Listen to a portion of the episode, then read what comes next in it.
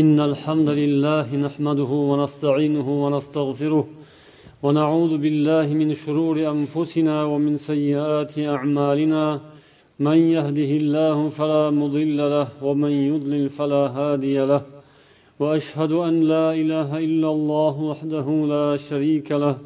وأشهد أن محمدا عبده ورسوله. أما بعد عزيز برادر الله muhtarama opalar singillar assalomu alaykum va rahmatullohi va barakatuh. Biz ushbu suhbatlarimizda islom kishisining odobi axloqi haqida fikr almashyapmiz. Barchamizning xulqimiz odobimiz o'rganadigan yaxshi xislatlarimizning manbai allohning kitobi rasulullohning sunnatlari. Va biz buning misoli namunasini ko'radiganimiz esa rasululloh sollallohu alayhi vasallamning shaxslari va sahoba ikromlarning hayotlari alloh taolo qur'oni karimda marhamat qilgan auzu billahi minash shaytonir rojim لقد كان لكم في رسول الله أسوة حسنة لمن كان يرجو الله واليوم الآخر وذكر الله كثيرا sizlar uchun rasulullohda chiroyli namuna bordir Sizlar uchun allohdan savob umid qilgan oxirat kunidan umidi bo'lgan va allohni ko'p yod etadigan insonlar uchun rasulullohda chiroyli namuna o'rnak ibratlar bordir deb alloh taolo qur'oni karimda bizga rasululloh sollallohu alayhi vasallamning xulqlaridan ibrat olishni buyurgan. Ana u zotda olloh ato qilgan ulug' xislatlardan biz ham ibrat namuna olishimizga da'vat qilgan. Payg'ambar sollallohu alayhi vasallamning sifatlari hislatlari hammasi yaxshi ijobiy oliyjanob hislatlar bo'lgan. Ana shu hislatlardan biri haqida inshaalloh bugun suhbatlashamiz. Mana bu hadis shu so'zimizga inshaalloh asos bo'lar yoki bir debochi bo'lar.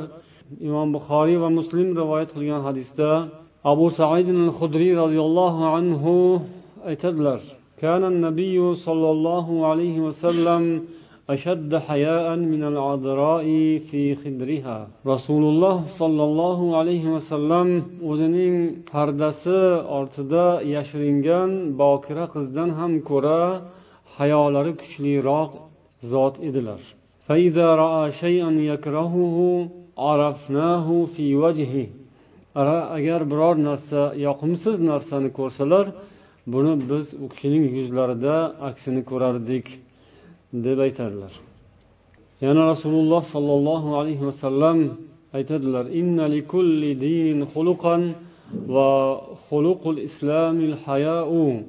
Har bir dinning xulqi bo'ladi islomning xulqi hayodir. Demak bugungi mavzuyimiz islom dinimizning xulqi degan nomga ega bo'lgan. Mana shunday bir sharafli nomni olgan xulq islomning hamma xulqlari degandek islom dinining xulqi hayodir deyilgan ekan demak islomdagi barcha xulqlarni ifoda qiladigan bir xulq hammasini o'zida jamuljam qiladigan ifoda etadigan xulq bu demak hayo xulqi. Inshaalloh mana shu haqida suhbatlashamiz. Bu nihoyatda muhim ekanligi mana shu hadisdan ham ma'lum. Barcha dinlarning o'zini xulqi bor islomning xulqi esa hayodir.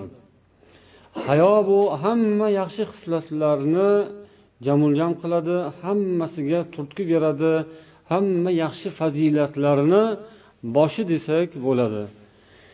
Hayoli odamdan hamma yaxshi xislatlar inshaalloh zohir bo'ladi. Hayoli odamda barcha yomon illatlar asta astalik bilan bo'lsa ham daf bo'ladi. Hayosining kuchiga qarab bo'ladi. Insondagi hayoning quvvati darajasiga qarab yaxshiliklar hosil bo'ladi.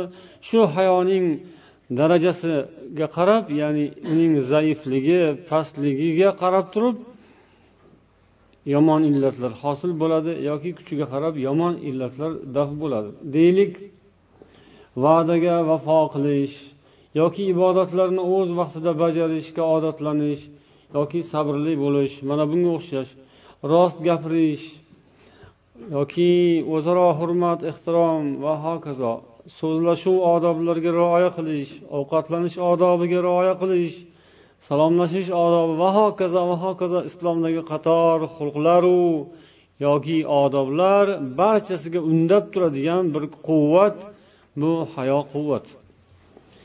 Ularning aksi bo'lgan insondagi yolg'onchilik ikkiyuzlamachilik aldamchilik yoki g'iybat qilish yoki harom xarish narsalardan tiyilmaslik gunohlardan tiyilmaslikning sababi ham tagida hayosizlik yotadi uyatsizlik yotadi. Agar odamda hayo bo'lsa uyat hissi bo'ladigan bo'lsa mana shu salbiy hislatlarni o'zidan iloji boricha tezroq daf qiladi.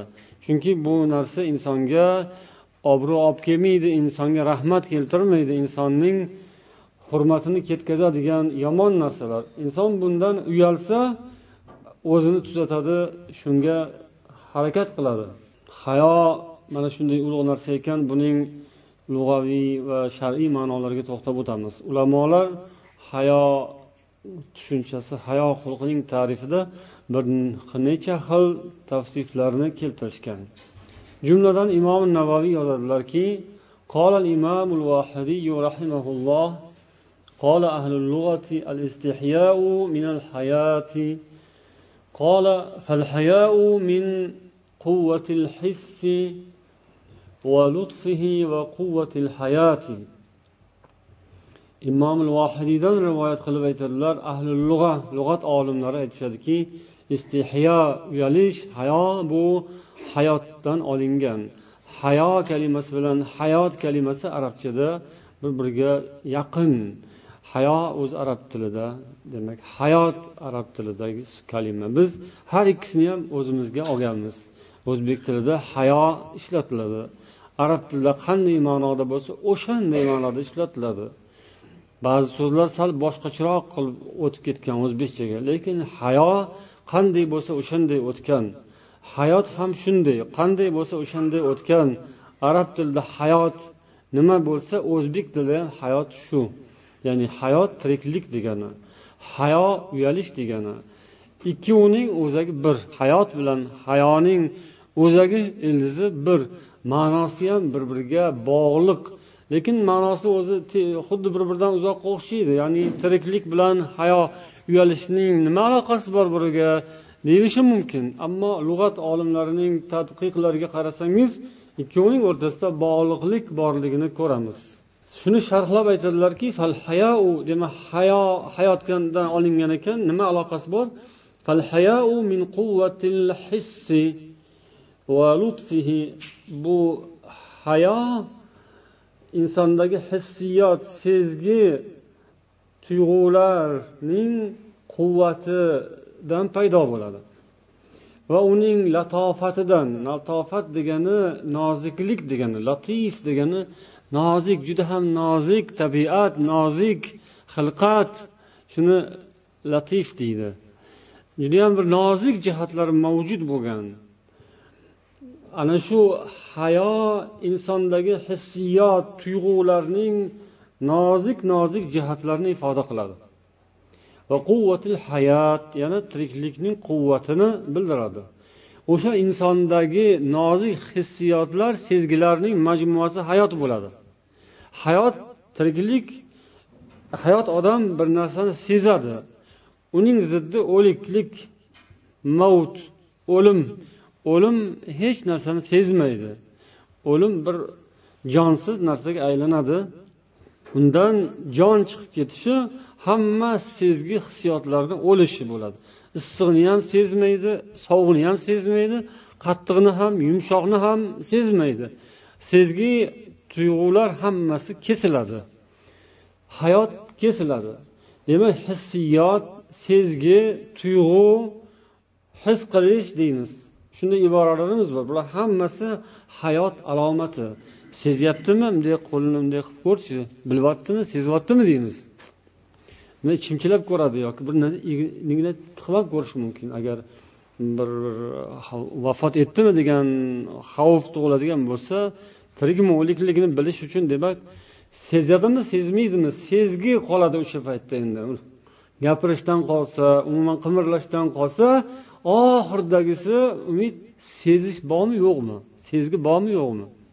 Demak hissiyot sezgirlik yoki sezish tuyg'u anglash bu hayot alomati. Hayo ham ana shunday nozik sezgilari bor odam. Nozik tuyg'ularga ega odamda hayo bo'ladi. Nozik tuyg'ulari bo'lmagan odam tirik bo'lishi mumkin lekin hayosi bo'lmaydi. Uyati bo'lmaydi. Uncha muncha uyati yo'q odamlarni ko'rsangiz uncha muncha narsaga ahamiyat bermaydi sezmaydi yoki tushunmaydi ham ba'zi nozik gaplarni nozik ma'nolarni ya'ni tushunmaydi. Tushunmagandan keyin undan tap tortmaydi undan tortinmaydi undan hijolat bo'lmaydi uyalmaydi. Demak hayosi kam sababi uning hayotida nuqson bor. Sezgi tuyg'ularida hissiyotlarda nuqson bor. Hayo ana shunday ruhga bog'liq jon e, insonning hayotiga bog'liq. Al haya demak minal hayot tiriklikdan olinganning jihati ma'nosi shu. Yana navoiy yozadilarki al hayau ru'yatul alai ay ni'am. Hayo yana bir ma'nosi. Bu ne'matlarni ko'rish bilish va taqsir va nuqsonni ko'rish. O'sha ne'matlar ro'barasida muqobilida inson o'zining nuqsonini kamchiliklarini his qilish.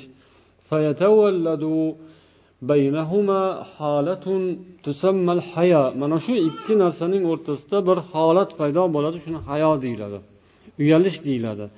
Ya'ni siz ne'matlar ichidasiz ne'matlar qarshisidasiz va shuning shukronasini siz bajo qila olmayapsiz. Bunga nisbatan siz o'zingiz loyiq darajada o'zingizni tuta olmayapsiz.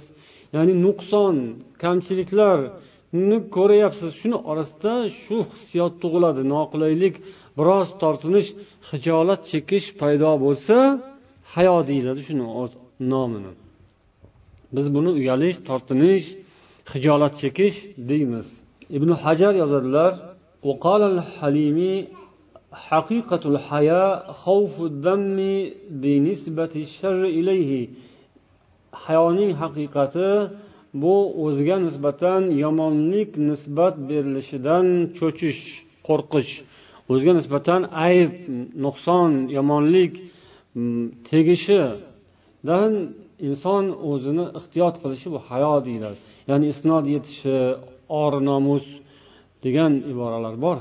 Shuni his qilish bu hayo. Qola rog'ib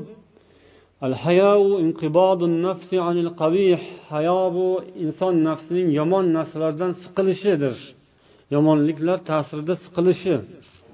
وهو من خصائص الإنسان ليرتدع عن, عن ارتكاب كل ما يشتهيه bu narsa insonning hislatlaridan biridirki ana shu bilan inson ko'ynidan ko'yniga nima yoqsa o'shanga kirib ketaverishdan tiyiladi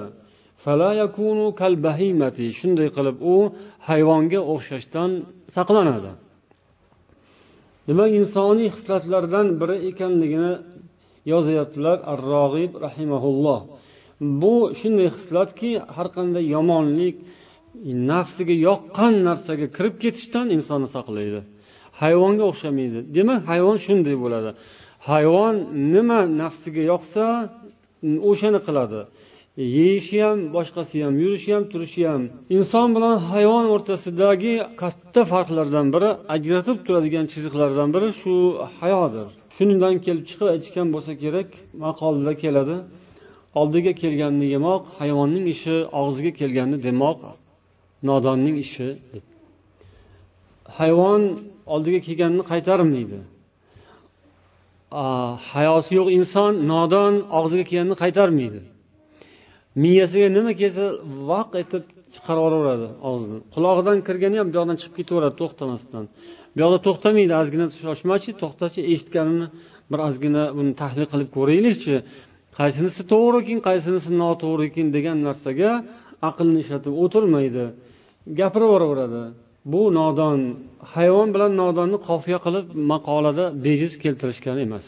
Hayvon o'sha oldiga kelgandan qaytmaydi nodon og'ziga kelgandan qaytmaydi.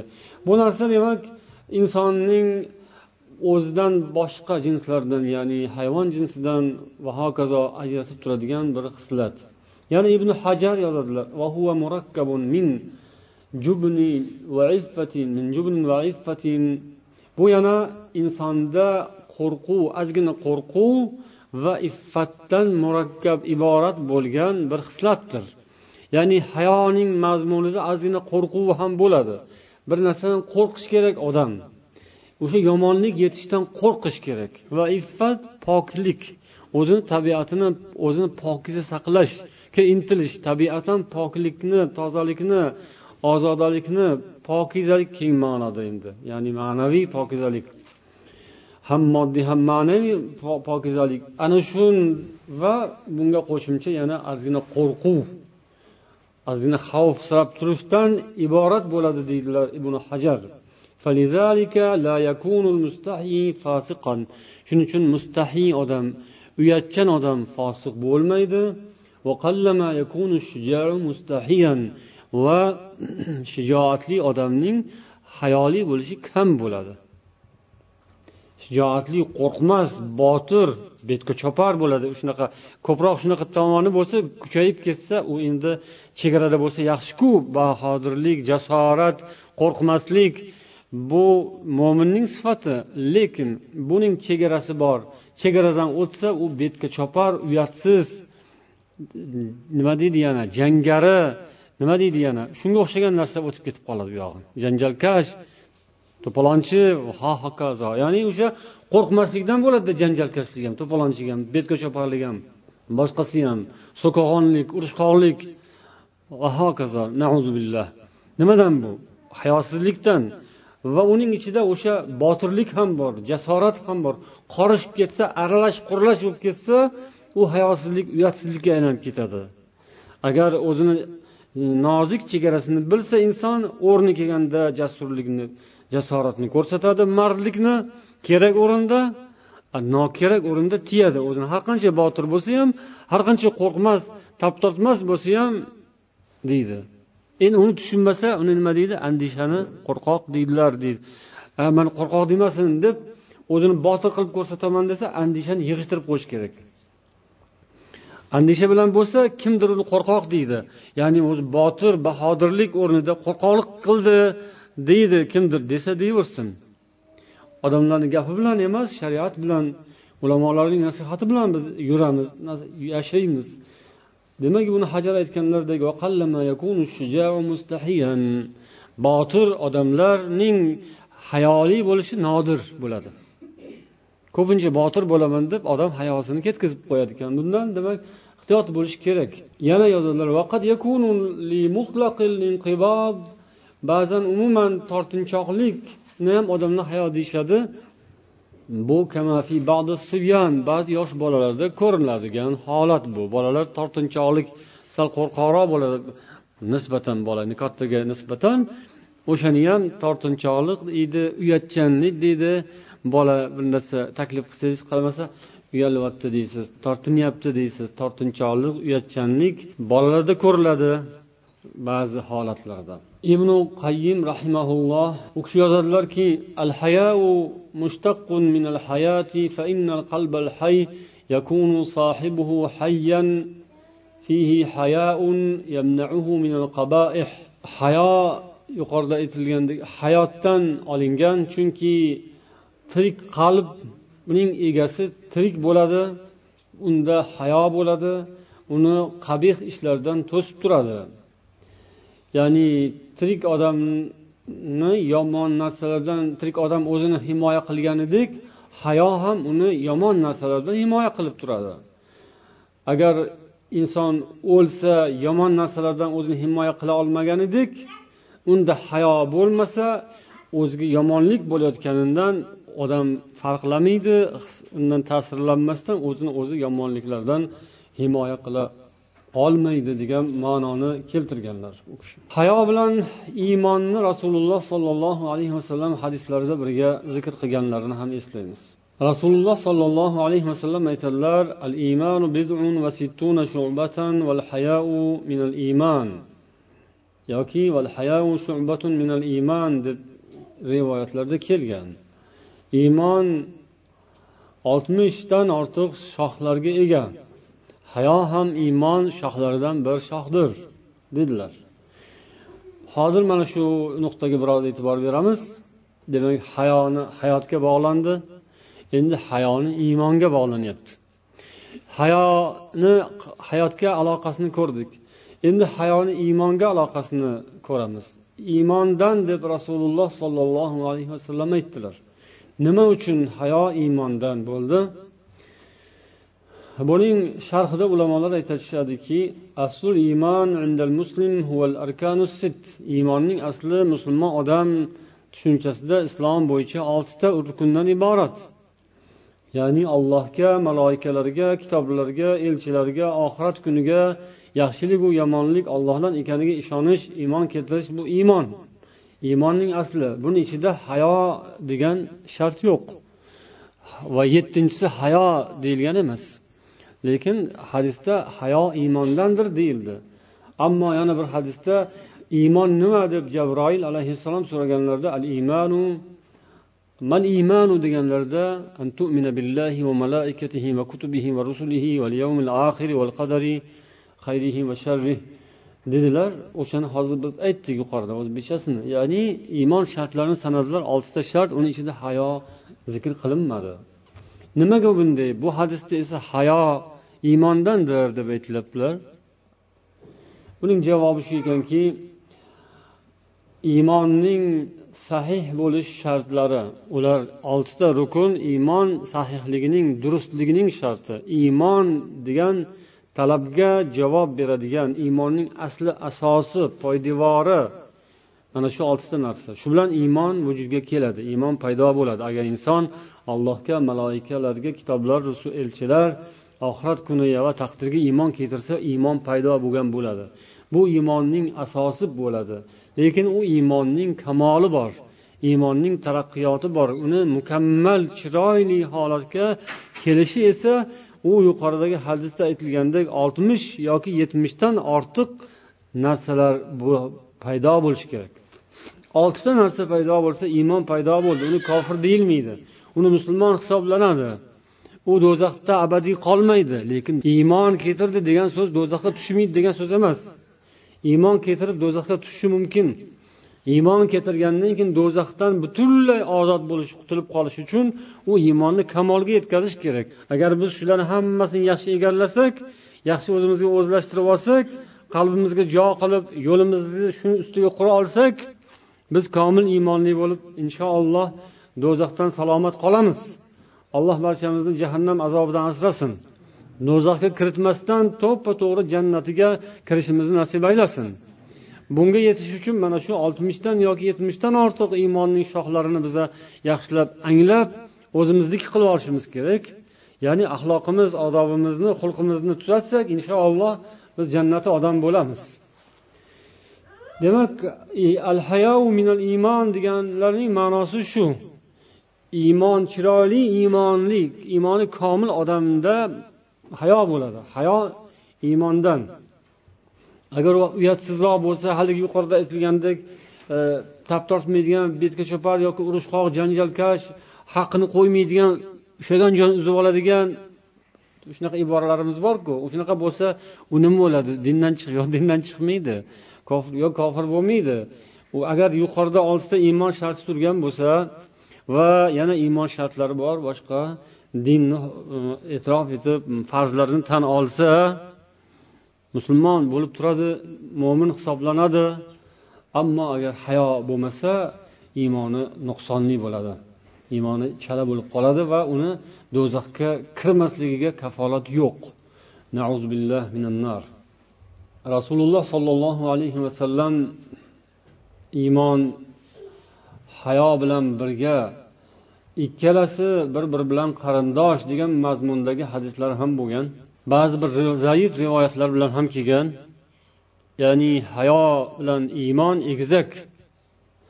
Agar ikkalasi biri mavjud bo'lsa ikkinchisi ham mavjud bo'ladi. Biri ketsa ikkinchisi ham ketadi degan mazmundagi hadislari bo'lgan. Ya'ni bu agar shunday narsa davom etsa davomli bo'lsa inson iymondan ham ajrab qolishi xavfi borligi ma'lum bo'ladi. Hayoga e'tibor bermasa e'tiborsiz bo'lsa hayoni ham iymondan ekanligini hisobga olmasa borib borib uning iymoni ham xavf ostida iymoni ham ketib qolishi xavfi tug'iladi. وإنما جعل الحياء بعد الإيمان لأن الإيمان ينقسم إلى ائتمار بما أمر الله به وانتهاء عما نهى الله عنه ابن الأثير yozganlar aytganlarki iymondan hayo iymondandir deyilganning sababi shuki ya'ni iymonning bir jihati hayo buning ma'nosi shuki iymon bu ikki jihati bor Ya'ni olloh buyurgan narsalarni qilish bajarish olloh qaytargan narsalardan tiyilish. Mana shu jihati bor. Hayo esa insonni olloh qaytargan narsalardan tiyilishga sabab bo'ladi. Shu e'tibor bilan iymonning bir qismi deyildi deb sharh bitgan ekanlar. Ya'ni hayo bilan inson yomon ishlardan tiyiladi. Iymon qilgan ishni qiladi hayo. iymon tiyadi odam yomonlikdan hayo tiyadi insonni yomonlikdan shuning uchun hayo bilan iymonni bir biriga yonma yon qo'yildi deydilar معناه أن الحياء يمنع صاحبه من ارتكاب المعاصي كما يمنع الإيمان yuqoridagi ma'no iymon insonni gunohlardan tiyganidek hayo ham gunohdan tiyadi insonni Hayo ollohdan hayo odamlardan hayo ba'zi odam odamlardan uyalgani uchun ham yomon ishlarni qilmaydi yomon gaplarni gapirmaydi beodoblik qilmaydi tartibbuzarlik qilmaydi o'ziga qolsa qilib yuborardi. Sabab nima uchun qilmayapti desa falonchilar bor pistonchilar bor odamlar bor mahalla ko'y bor el bor xalq bor. O'shalardan uyalganimdan deydi yoki o'shandan uyalganidan qilmay turibdi deydi odamlardan uyalganidan gapirmaydi yo shu yomon ishni qilmaydi yoki yaxshi ishni qiladi hayo uchun hayo borligi uchun qiladi iymon ham xuddi shunday shu jihatdan iymon bilan hayo bir va iymon hayo iymondandir deyildi yana navoiy yozadilar وقال القاضي عياض وغيره من الشراح إنما جعل الحياء من الإيمان وإن كان غريزة لأنه قد يكون تخلقا واكتسابا كسائر أعمال البر qodiyoz aytadilar va u kishidan boshqa shorihlar ham aytishganki hayo iymondan deb aytilganning sababi shu hayo aslida hayo aslida g'ariza bo'lsa ham iymondan deb aytildi g'ariza ya'ni inson tabiatidagi sifat bu uni g'ariza deyiladi insondagi xislat bir Insonni tabiatida bo'ladigan muloyimlik qo'pollikka o'xshagan muloyimlikka ya'ni bu xislat sifatida qo'pollik baxillik saxiylik e, deb aytamiz. Umumiy xislatlar. Ijobiy xislatlar sifatida olsak ana shunday ijobiy sifatlardan tabiatdan bir inson tabiati bu. Lekin shunday bo'lsa ham tabiatda bo'ladigan narsa bo'lsa ham hatto bu kofirlarda ham uchrashi mumkin. Yoki aytildi yosh bolalarda ham uchraydi deyildi. Lekin bu iymon balog'atga yetgan va mo'min musulmon odamlarning sifati. Bu g'ariza hislat inson tabiatida bo'ladigan narsa bo'lsa ham iymondan deyildi. Sababichi sababi shuki bu goho tahalluqiy va iktisobiy bo'lishi mumkin. Ya'ni inson keyin o'ziga kasb qilgan hislat bo'ladi. Iktisob kasb qilib bir hosil qilish. Tahalluq o'zining xulqida bo'lmagan narsani boshqadan olib o'ziniki qilish o'zining xulqiga joylashtirish buni tahalluq deyiladi. Hayo ba'zan shunday bo'lib keladi. O'zida bo'lmaydi aslida odamda lekin uni oladi boshqalardan oladi o'ziga kasb qilib. Boshqa solih amallar ham shunday. Ya'ni solih amallarni ibodatlarni ham inson o'zi qilishni bilmaydi lekin shuni boshqalardan o'rganadi. Solih amallar esa iymon deyilgan. Namoz iymondandir zakot iymondandir ro'za haj iymondan. Lekin buni inson o'zi bilmasdi oldin.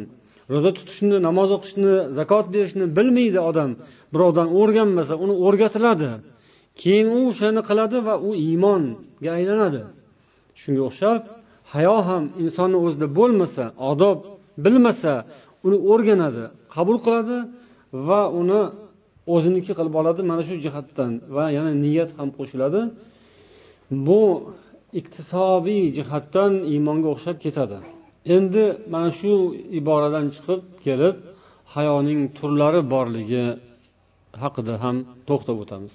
Demak hayo ikki xil yo'l bilan hosil bo'lar ekan. Hayoning paydo bo'lish sababi birinchisi al hayau qad yakunu fitriy ibn hajar yozadilar hayo tug'ma bo'lishi mumkin. Mm, va goho u keyin paydo bo'lishi mumkin. Inson uni o'qib o'rganish bilan paydo qiladi. Yana bundan tashqari hayoni uch xil sifati yoki uch xil turi borligini yozadilar. Hayo yana shar'iy bo'ladi aqliy va urfiy bo'lishi mumkin. Buni shunday deb tushunamizki buning muqobilini keltirsak tushunarliroq bo'ladi. Shar'iy hayo deganimizning muqobili qanday? Shar'iy hayosi bor odamning ziddi fosiq bo'ladi. Hop ikkinchisi aqliy hayo. Aqliy hayo hosil qilgan odam uning ziddi aqlsiz bo'ladi majnun bo'ladi. Uchinchi turi urfiy hayo hosil qilgan odamning ziddi ablah bo'ladi deyishgan. Ya'ni u bizning tilimizdagi ablah emas. Arabchadagi ablah he bilan. Ablah. O'zbekchada ablah. Ablah eng yomon ma'nolarni hammasini qo'shib turib ablah deydi. Pastkash razil munofiq yaramas va hokazoning e, hamma yomon ma'noli chiqadigan so'z. Vallohu alam. Ablah degani. Lekin arabchadagi ablah sal yuqoriroq darajasi. Juda bunaqa emas. Bunaqa past emas. Ya'ni befarosat degani o'zbekchadagi. Uncha narsa uncha muncha narsaga aqlini ishlatmaydi farq qilmaydigan odam befarq odam. Bu urfiy hayodan mahrum bo'lgan odamni shu tarifi. Hayoun shar'iyyun faqiduhu fasiq. Kimda shar'iy hayo bo'lmasa o'sha hayoni yo'qotgan odamni fosiq deyiladi. Bu nima degani? Shar'iy hayosi bo'lmasa fosiq bo'ladi. Ya'ni shariat buyurgan amallarni qilmaydigan odam fosiq deyiladi.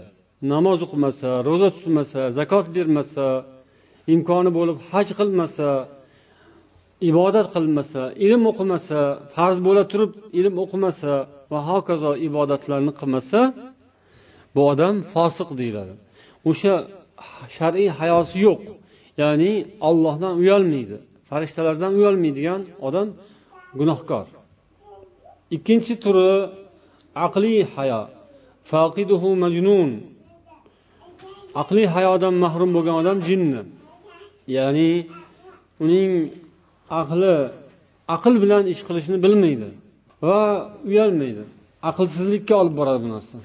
Uchinchi turi urf. Urf bilan bilinadigan hayo. Odamlarning urf va odatida bo'lgan narsalardan kelib chiqadigan hayo. Buning ziddi ya'ni bunday hayoni bilmaydigan odamni biz yuqorida nima dedik? Ablah deyildi arabchasi o'zbekchasi befarosat. Ya'ni befarq odam uncha muncha narsani anglamaydi anglashga harakat ham qilmaydi. O'sha endi aytish mumkin tepsa tebranmas boqi beg'am beparvo dunyoni suv bosib to'pig'iga chiqmaydi. Va hokazo. Buning tarifi shu ekan ya'ni odamlarni urfu odatida yaxshilik deb tushunilgan qabul qilingan narsalarga befarq odam. Buni fosiq bo'lmaydi bu gunohkor bo'lmaydi bu odam. Lekin odamlarni nazarida uni e'tibori pasayadi. Ya'ni o'sha hayosiz hayosi yo'q uyati yo'q odamlar qatoriga qo'shilib qoladi. Endi u narsa ziyoda bo'lib ketaversa gunohkor ham bo'ladi yuqorida o'tganidek. Shariatga zid bo'lmagan ishlarni ba'zi ishlar bor shariatga zid emas. O'shanday ishlarni qilish ba'zi joylarda ba'zi urf odatlarda odamlarni vojibdek qo'ygan odatlar bor. Ba'zi bir xalqlar shu ishni qilmasa u odamlarni yomon ko'rishadi. Ya'ni ularni odati shu odatlarni hurmat qilmasa rioya qilmasa uni hurmat qilishmaydi. O'shanday ishlarni bilib turib qilmagan odam o'zini hurmatini ketkazadi. Bir qavmni ichiga borsangiz uni tilini bilmasangiz urf odatlarini bilmasangiz unga yoqmaysiz. Mana shunday ishni bilib turib ularga yoqmaydigan ishni qilgan odamni demak e, hayosi kam odam bo'ladi. Yoki farosati kam odam bo'ladi. Bir qavmni ichiga kirib diliga yo'l topmoqchi bo'lsangiz tilni o'rganishingiz kerak. Urf odatlarni o'rganishingiz kerak. Qilishingiz kerak. O'shalarga o'xshagan bo'lishingiz kerak. Keyin ular sizni sal o'ziga yaqin oladi. Lekin bu shariatga zid bo'lmagan ishlarda agar islomga teskari harom ishlar bo'ladigan bo'lsa uni qilib bo'lmaydi. Islomga teskari emas ishlar bo'ladigan bo'lsa uni qilmasa bo'lmaydi. Qilmasa gunoh bo'ladi emas qilmasa farosati kam odam bo'lib qoladi. Ishi yurmaydi o'sha odamni. Ishlari to'g'anoq to'siqlarga uchraydi. O'sha yerdagi qavm bilan yaxshi kelishib chiqisha olmagani uchun u odamni darajasi pastlaydi va bu narsa uning hayosiga bog'liq bo'ladi deydilar. Bunday odamni birov urishib so'kmaydi ham ya'ni shunday qilmayapsan boshqa deb. Ya mayli o'zingni ixtiyoring san haqqing deb qo'yishi mumkin. Qiladimi qilmaydimi? Haqqi o'zini ixtiyori. Ammo o'sha odamni o'zini hayoti o'sha jamiyatda tutgan o'rni topolmay qolsa bu uning zarari agar musulmonlarga bog'liq bo'lsa musulmonlar uchun zarar. Buning zarari agar ko'lami kengroq kattaroq bo'lsa u gunohga aylanishi mumkin. Yana shu o'rinda aytish mumkin ba'zi qavmlarni urf odatlari milliy kiyimlari bor. Milliy kiyimlar ham shunga misol bo'la oladi. Agar shariatga xilof bo'lsa kiyish mumkin emas bo'ladi. Ya'ni harom bo'ladigan kiyimlarni ham turi ko'p u harom kiyish harom bo'lgan.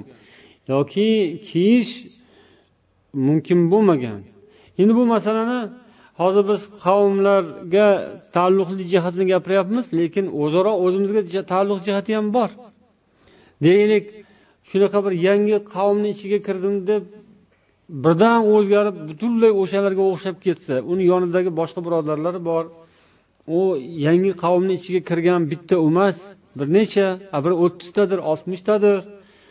Ular qo'lidan kelgancha o'zini iffatini saqlab kiyimlarini ham siforoq qilib yurgan bo'lsa ichidan bitta ikkitasi chiqib ja zamonaviy bo'lib judayam haddan tashqari tez o'zgarib ketib qolsa buni ham mana shu urfiy hayoga kirgizish mumkin. Urfdagi hayosi yo'q odam. Uyati yo'q odam. Deyishga o'tish mumkin. Ya'ni faxrni farosatini ishlatmasdan nima bu? Harommi? Harom emas. Ba'zi bir kiyimlar bor qat'iy harom ham deb bo'lmaydi. Lekin ba'zi odamlar shuni o'ziga ep ko'rmaydi. Endi buni judayam ikir chikirini har kim o'zi o'ylab qarasa topadi ko'rinadi. Bu narsa ham mana shu hayoga bog'liq. Yoki do'ppi kiyib yuradigan qavmni ichiga kirib qolsangiz o'zingizni yurtingizda do'ppisiz yurgan bo'lsangiz borsangiz hammasini boshida do'ppi bo'lsa o'shanda hammasi do'ppi kiyib yurgan joyga kirib bitta bosh yalang odam kirib qolsa judayam xunuk ko'rinardi o'sha paytda. Bu ham mana shu urfiy hayoga misol bo'ladi. O'sha odamni hayosi kam bo'ladi. Ya'ni hammasini bosh kiyimi bor shunaqa bir qavm millat ichiga bitta odam keldi ola qarg'aga o'xshab qoladi. Aniq bunday ko'rinib turadi.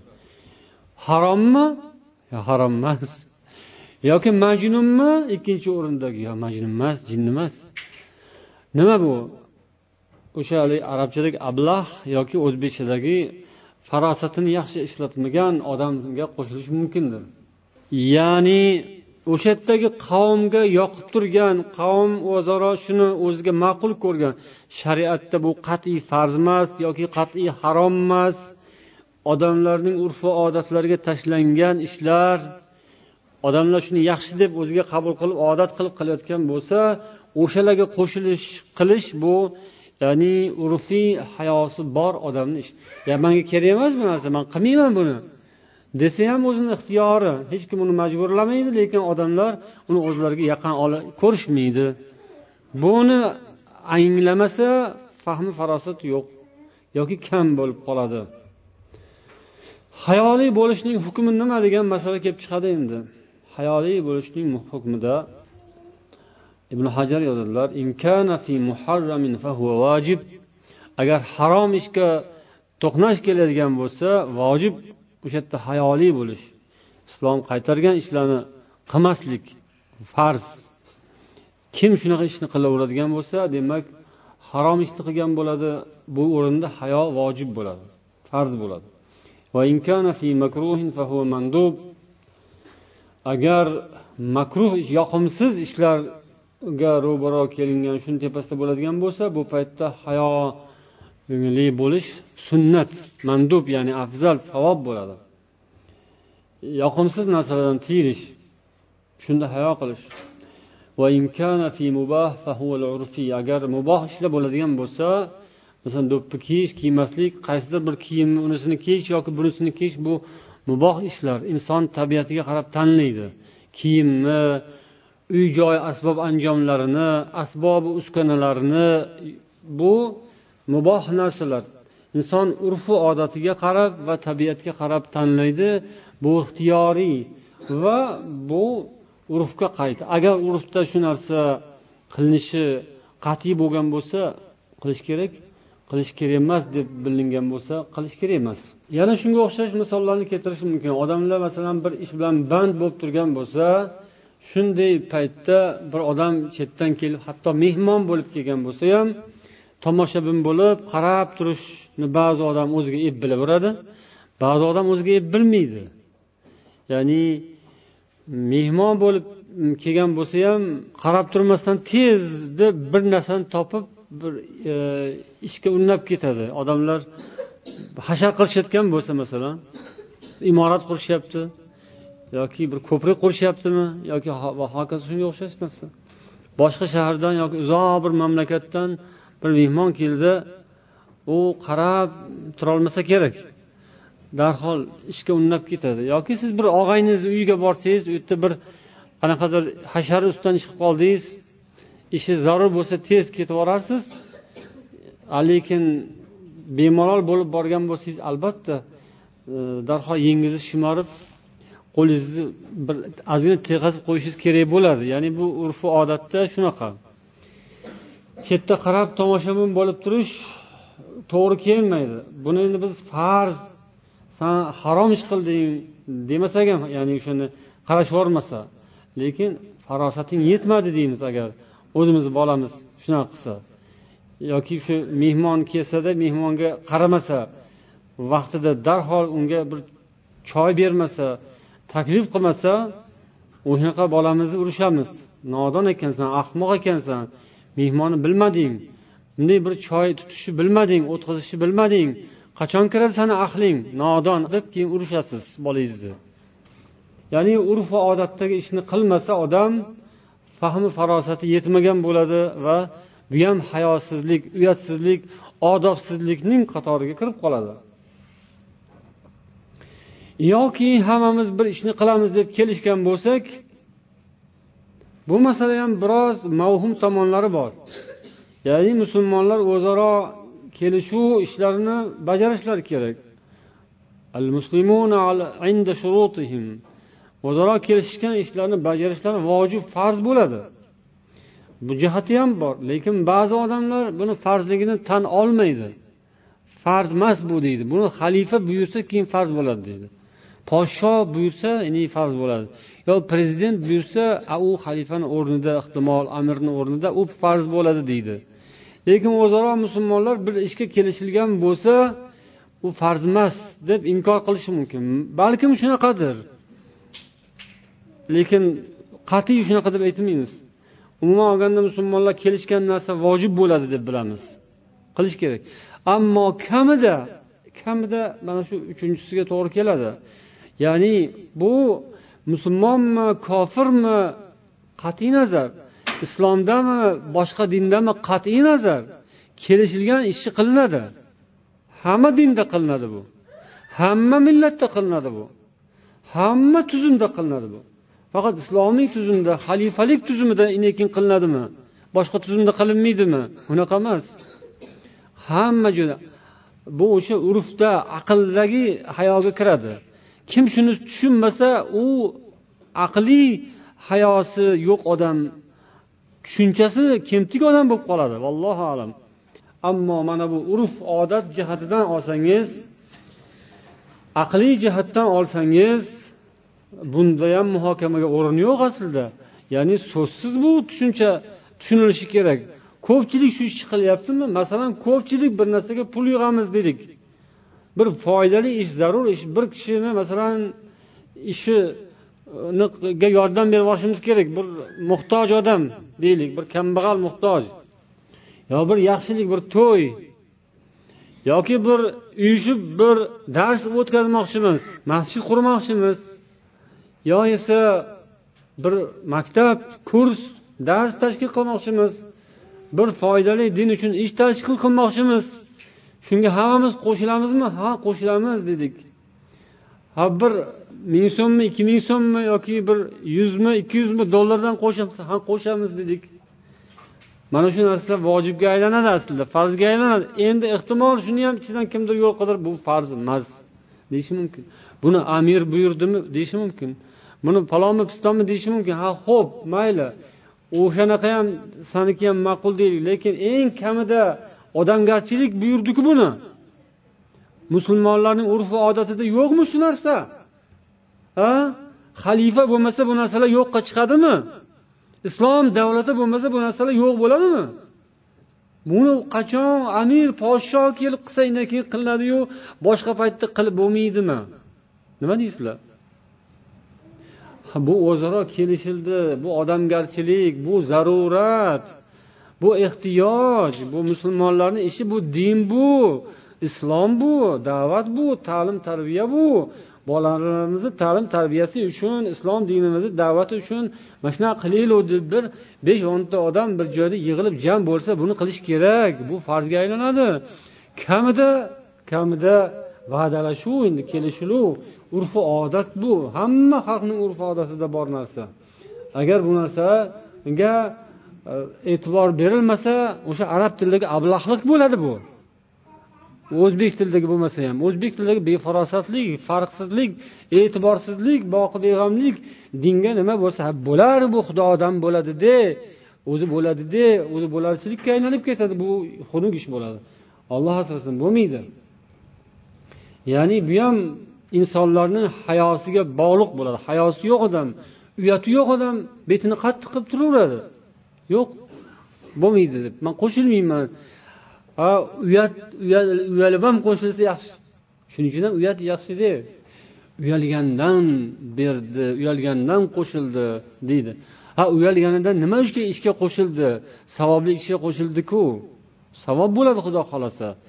Odam ba'zi ishni xohlab qilmaydi uyalib qiladi. Uyalganidan ba'zida insonda shunaqa sodir bo'ladida ishni ba'zi narsani qilgisi kelmaydi uncha. Bajargisi kelmay turadi. Lekin kimdir qilayotganini ko'rsangiz keyin qilgisi keladi. Yoki ozgina sizga ham ta'sir qiladi. Uyalasiz. Chetda turgani. O'ziga qolganda qilmasdingiz. Qilib yuborasiz. O'sha keyin xursand bo'lasiz. Alhamdulillah deysiz shu ishga ishtirok qilganingiz hissangizni qo'shganingizni bilganingizdan keyin o'zingiz ham xursand bo'lasiz. Boshida qilgingiz yo'q edi. Qarang hayoni yaxshiligida shu to'g'rimi? Bolani ham hay qil demasangiz qilmaydi. Yoqmaydi. Keyin qilgandan keyin xursand bo'ladi. Mana bolam qilding rahmat desangiz xursand bo'lib ketadi. Keyin o'zini maqtab ketadi. Voy man anavi qildimmi qildimmi ha qilding qilding. Qil deganda qilmas qil demasa qilmasding o'zi. Qil degani uchun qilding mana oxiri xursand bo'lyapsan o'zing. Shuning uchun islomdagi hayoning shunday ma'nolari keng alhamdulillah bu bizga foyda keltiradi. Faqat dinimizga mustahkamlik rivoj bo'ladi. Hayoning tug'ma va iktisobiy hayo deb borligi haqida yuqorida gapirdik. Mana shu o'rinda bir voqeani eslab ketish kerak. Ya'ni abu sufyon hali musulmon bo'lmagan bir paytda shomga tijorat bilan borgan mahalda rum imperatori hiraql bilan bo'lgan uchrashuv. So'zlashuvda buning bir so'zi ya'ni muhammad sollallohu alayhi vasallam haqlarida so'raydiku rum podshosi. O'sha savollarga javob berganda hammasiga to'g'ri to'g'ri javob beradi. Keyin u kishi o'zlari rivoyat qilganda aytganlar min an yasiru alayya kadiban allohga qasamki agar meni keyinchalik yolg'onchilikda ayblashishdan uyalmaganimda muhammad haqida rosa yolg'on gapirgan bo'lardim. Rosayam yolg'on gapirishni xohlab turgan o'sha paytda u kishi dushman edi mushrik edi u paytda. Rasulullohni eng yomon ko'rardi. Yomon ko'rgan odam haqida rosayam yolg'on gapirishga tap tayyor edi. Lekin hayo bu insonni shu yolg'onchilikdan to'sdi. Ya'ni hayo kimdan hayo qilardi? Ollohdan emas. Orqasida turgan mushriklardan kofirlardan hayo qilgani uchun rasululloh haqlarida yolg'on gapira olmadi. Bu hayo ya'ni tug'ma hayoga misol bu. O'sha anchayin odamlarda tug'ma hayo bo'ladi. Mushrik kofirlarda ham bu islomga kelgandan keyin mustahkamlanadi haqiqiy hayoga aylanadi. Tarbiya bilan ta'lim bilan bu chinakam hayoga savob beriladigan hayoga aylanadi. Endi hayo uchun savob bo'ladimi degan savol tug'iladi. Tug'ma hayo uchun agar niyat bo'lmasa savob bo'lmaydi deyishadi ulamolar. Ammo niyat bilan savob umidida bo'lsa hayo uchun savob bo'ladi. Tug'ma hayo uchun iktisobiy hayo uchun ham shu. Agar niyat bo'lsa savob bo'ladi. Niyat bo'lsa qilgan harakati uchun o'rgangani uchun o'zini majburlagani uchun savob bo'ladi. Ya'ni ba'zi ishlar mana bu ishlar uyat bo'ladi desangiz ba'zi odam avval qabul qilmaydi qiynaladi. Nimaga nimaga? O'shani qilgisi keladi. Hoy bu uyat bo'ladi. Bo'lmaydi buni qilmang. Yoki bunaqa demang bunaqa gapirmang. Bunaqa narsani talab qilmang. Uyaladi. Uyat bu. Bo'lmaydi. Obro'yingiz to'kiladi desa tushunmaslik lekin shu narsani nasihatni qabul qilib o'zini majburlab shu yo'lga yursa hayoni iktisobiy hayoni qo'llagan bo'ladi va bunga savob bo'ladi. O'zini qiynagani uchun nafsiga qarshi ish qilgani uchun yoki nafs ko'zlab turgan narsani gapir degan gapirmagani uchun ol deb turgandan olmagani uchun sabr qilgani uchun albatta savob bo'ladi. Eng ulug'i niyat qilgani uchun. Shuni islom yo'li ekan. Ollohning payg'ambarning yo'llarida bor ekan shu narsa ham degan niyat bo'lgani uchun albatta savob bo'ladi وإذا كان الحياء يمنع صاحبه من استيفاء حق نفسه جر له ذلك تحصيل أجر ذلك الحق ya'ni ibn hajar yozadilar agar inson bir narsa haq bu haq egasi bo'lsa shu haqni tortib olish mumkin bo'lib turgan paytda hayo ustun kelib o'sha haqdan voz kechsa o'shaning ajri bo'ladi. Uning o'rniga ajr keladi savob keladi.